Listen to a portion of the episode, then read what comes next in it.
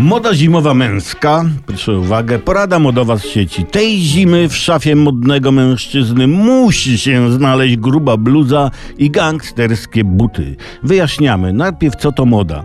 Nieco upraszczając, moda to według Wikipedii podsystem komunikacyjny charakterystyczny dla danej epoki lub struktury macierzystej, który reguluje wewnętrzne i zewnętrzne przejawy ekspresji członków danej zbiorowości. I co walety?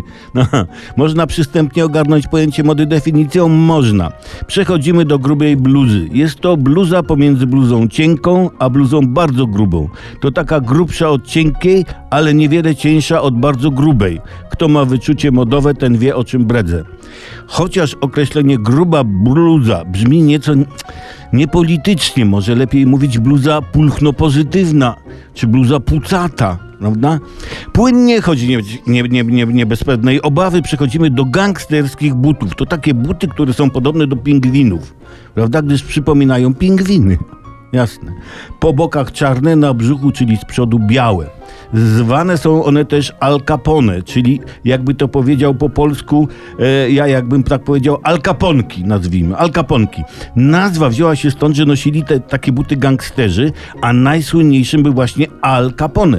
Pytali go się, Al, dlaczego nosisz na nogach małe pingwiny? Bo duże spadały z nóg, odpowiadał Al i strzelał do pytającego.